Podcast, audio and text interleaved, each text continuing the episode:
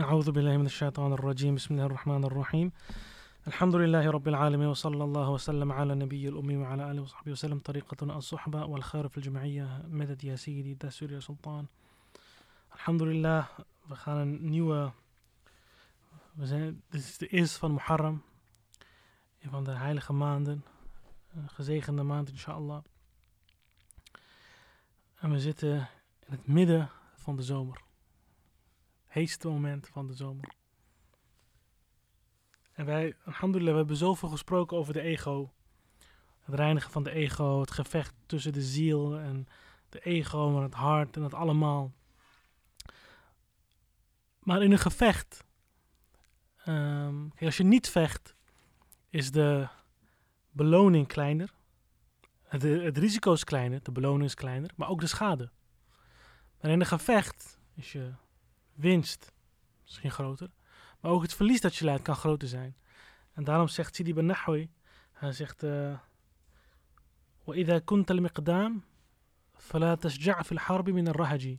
Hij zegt, als je serieus bent in het gevecht met de ego, wees dan niet bang voor een rahaji. En een rahaji is als je op een veldslag, op het moment dat het gevecht echt begint, komt er allemaal stof omhoog.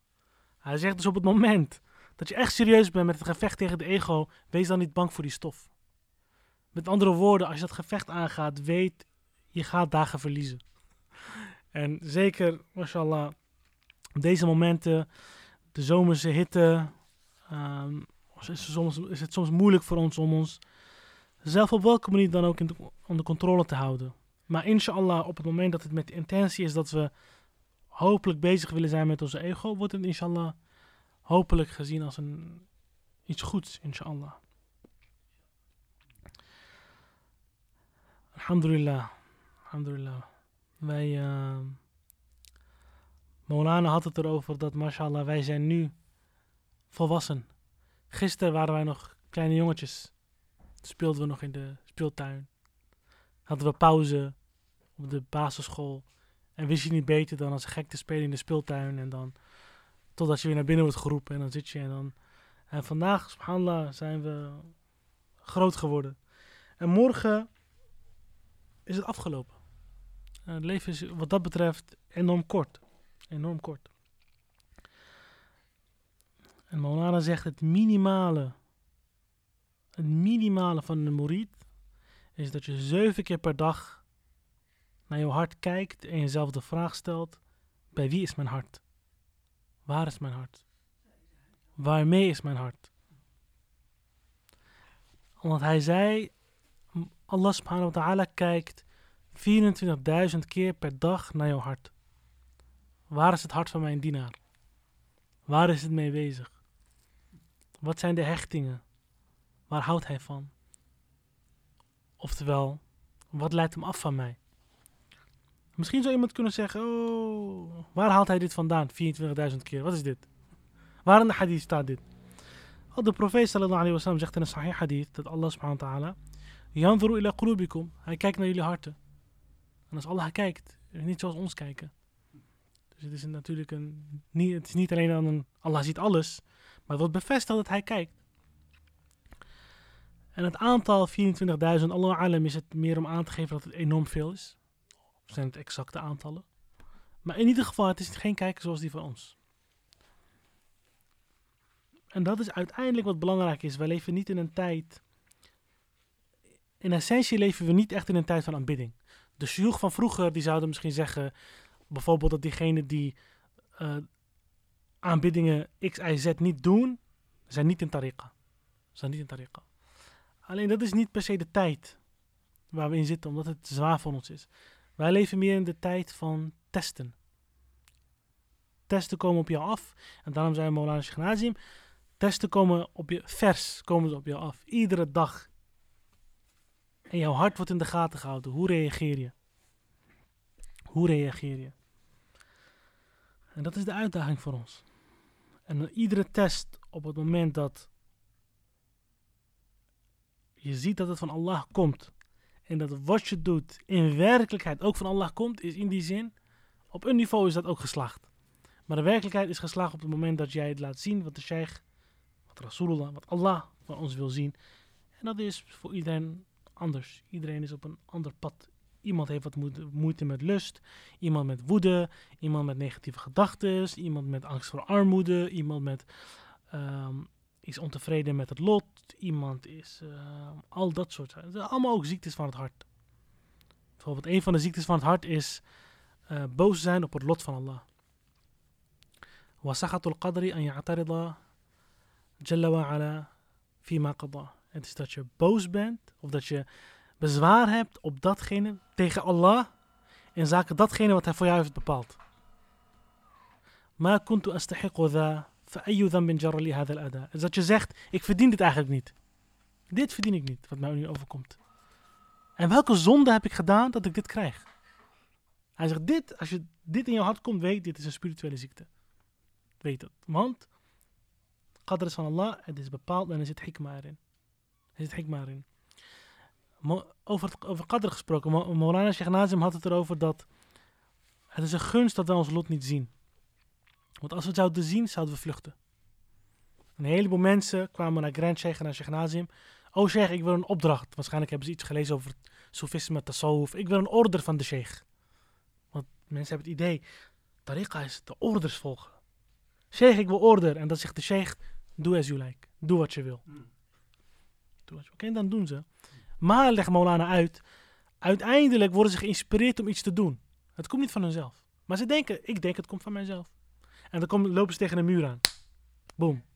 Maar omdat ze denken, dit zijn mijn eigen keuzes, is het makkelijker om te dragen dat ze tegen die muur aan zijn gekomen. Want als zij weten het komt van iemand anders dan hunzelf, van Allah, of het is, want de harten zijn verbonden, als de sheikh jou iets inspireert, dan wordt het zwaarder voor de ego om dat te dragen. Dus daarom zeggen de joh, doe as you like, doe wat je wil. Maar uiteindelijk, je wordt geïnspireerd en je krijgt ingevingen ehm, en je doet. Maar, zegt Molana, dit is eh, junior niveau. Maar wij willen niet altijd junior blijven. We willen, wij willen volwassener worden in ons islam. En Molana zegt, uiteindelijk gaat het erom dat je jouw qadr kan dragen, jouw lot. En jouw lot dragen is zoals toen iemand naar Sayyidina Ali kwam, karamallahu wajhul karim, salam. Hij kwam naar hem en zei, oh Sayyidina Ali, ik moet u vermoorden, maar ik wil dat niet doen. Vermoord u mij eerst. Toen zei Sayyidina Ali, je hebt mij niks misdaan. Ik ga jou niks doen. Wetende wat er zou gebeuren, en hij heeft het laten gebeuren. Namelijk, hij shahid gegaan, hij heeft hem vermoord, uiteindelijk. Tenminste, hij heeft hem gestoken om hem te doden. En uiteindelijk, eh, de awliya Allah, uiteindelijk, zij weten wat hen te wachten staat. Maar wij, als wij weten wat ons te wachten zou staan, zouden we vluchten. Omdat we niet kunnen dragen. En natuurlijk, omdat ieder moment, alles wat voor ons bepaald is, is uiteindelijk genade en rahma van Allah subhanahu wa ta'ala. En de waarom vragen, Molana zei, de eerste stappen voor de murid is te vragen waarom en nee los te laten. Niet vragen waarom. Rasulullah sallallahu alaihi wasallam, je vindt nergens in de sira dat hij zegt, waarom gebeurt dit? Nee, het gebeurt, omdat Allah het wil. Er is geen waarom daar. Daarom gebeurt het.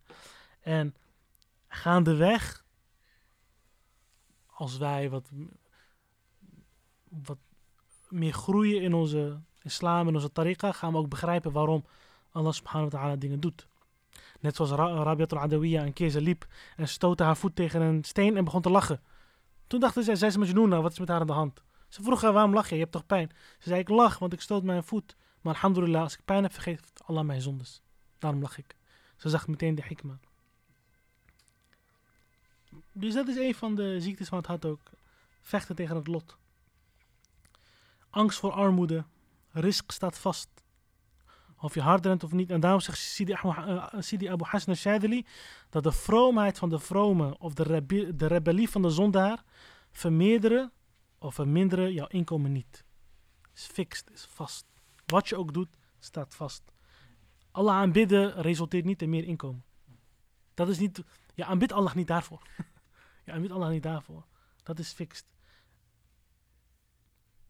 Imam al-Ghazali zegt wel, er zijn bepaalde delen van jouw risk die je krijgt als je taqwa hebt. Want Allah zegt in de Koran, وَمَنْ يَتَّقِ اللَّهِ يَجْعَلْهُ مَخْرَجًا يَجْعَلْهُ مَخْرَجًا Op het moment وَمَنْ يَتَّقِ اللَّهِ يَجْعَلْ لَهُ مَخْرَجًا. Diegene die bewust is van Allah. Taqwa. En, en taqwa hier is dat je doet wat je moet doen. Innerlijk en uiterlijk. Dat je het met liefde doet, dat je imaan hebt. en Dat je praktiseert wat je moet praktiseren. Dan gaat Allah jou geven, in een andere overlevering, een andere ayah, min haythu la. Van een plek, je had, je had nooit in gedachten, je had nooit kunnen verwachten. Van waar opeens de opening komt, van waar die risk komt. En voor iedereen is dat anders. Dat kan die ene baan zijn, dat kan op een woning zijn, dat kan een vrouw zijn, dat kan wat het ook is. Uh, gezondheid, wat het ook is, er is iets wat je wil in termen van risk. En het kan zijn dat Allah jou het geeft op het moment dat je takwa hebt. Dus bijvoorbeeld als je die, dat vrijwillige vaste gaat doen. Of als je dat nachtgebed gaat doen. Of als je nog niet je verplichte gebeden doet, daar begint het natuurlijk. Want als dat fundament er niet is van aanbidding, van taqwa, dan datgene wat Allah jou geeft, gaat je alleen maar afleiden en gaat jou uiteindelijk ruïneren. Ze zeggen dat Suleiman a.s. had het grootste koninkrijk. En Sheikh vertelt daar iets heel speciaals over. Dat de profeet sallallahu alaihi wasallam kreeg de keus om een rijke profeet te zijn. Of een arme, arme profeet. Maar dan arm met waardigheid. Dus niet uh, een vernederende armoede. Nee, een, een waardige...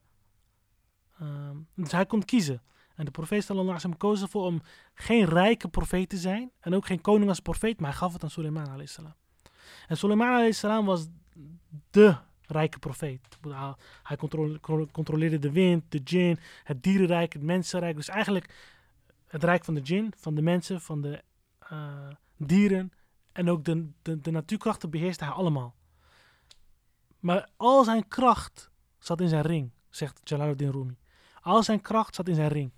Met die ring kon hij alles uh, beheren. Beheren, dankjewel, beheren. En in controle houden. En zijn ring, zegt hij, was vaste.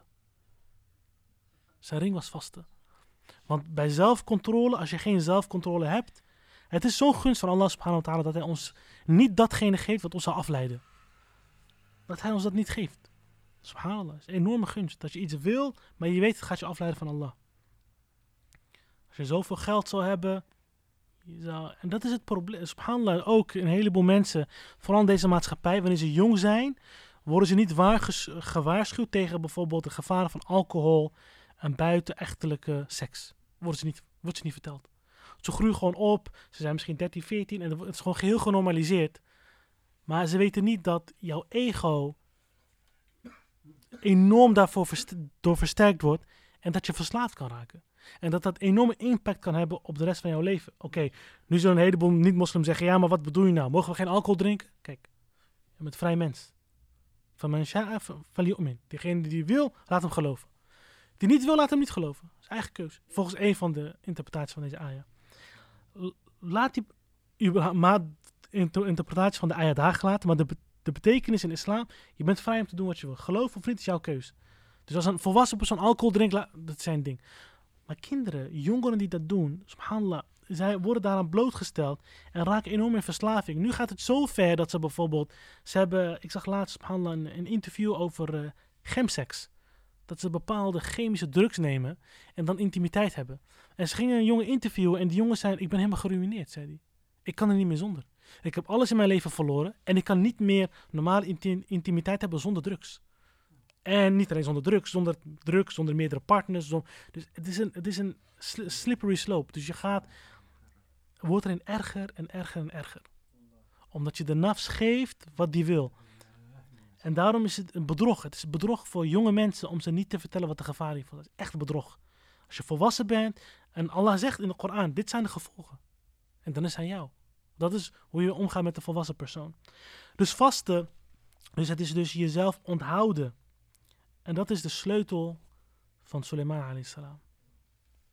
Dus mogen Allah subhanahu wa ta'ala ons, inshallah zelfbeheersing geven, inshallah. Mag Allah het makkelijk voor ons maken, inshallah. Hmm, inshallah. Mo uh, Maulana Sheikh Nasim zijn sahaba. Wij vragen iets kort en scherp. dus inshallah. Een aantal van de dingen die hij zei heb ik genoemd. Dus inshallah. We hopen dat het kort en scherp is. Inshallah mogen Allah mij vergeven en jullie zegenen. Herinner elkaar in je dua's. Met al-Habib Muhammad al-Fatiha.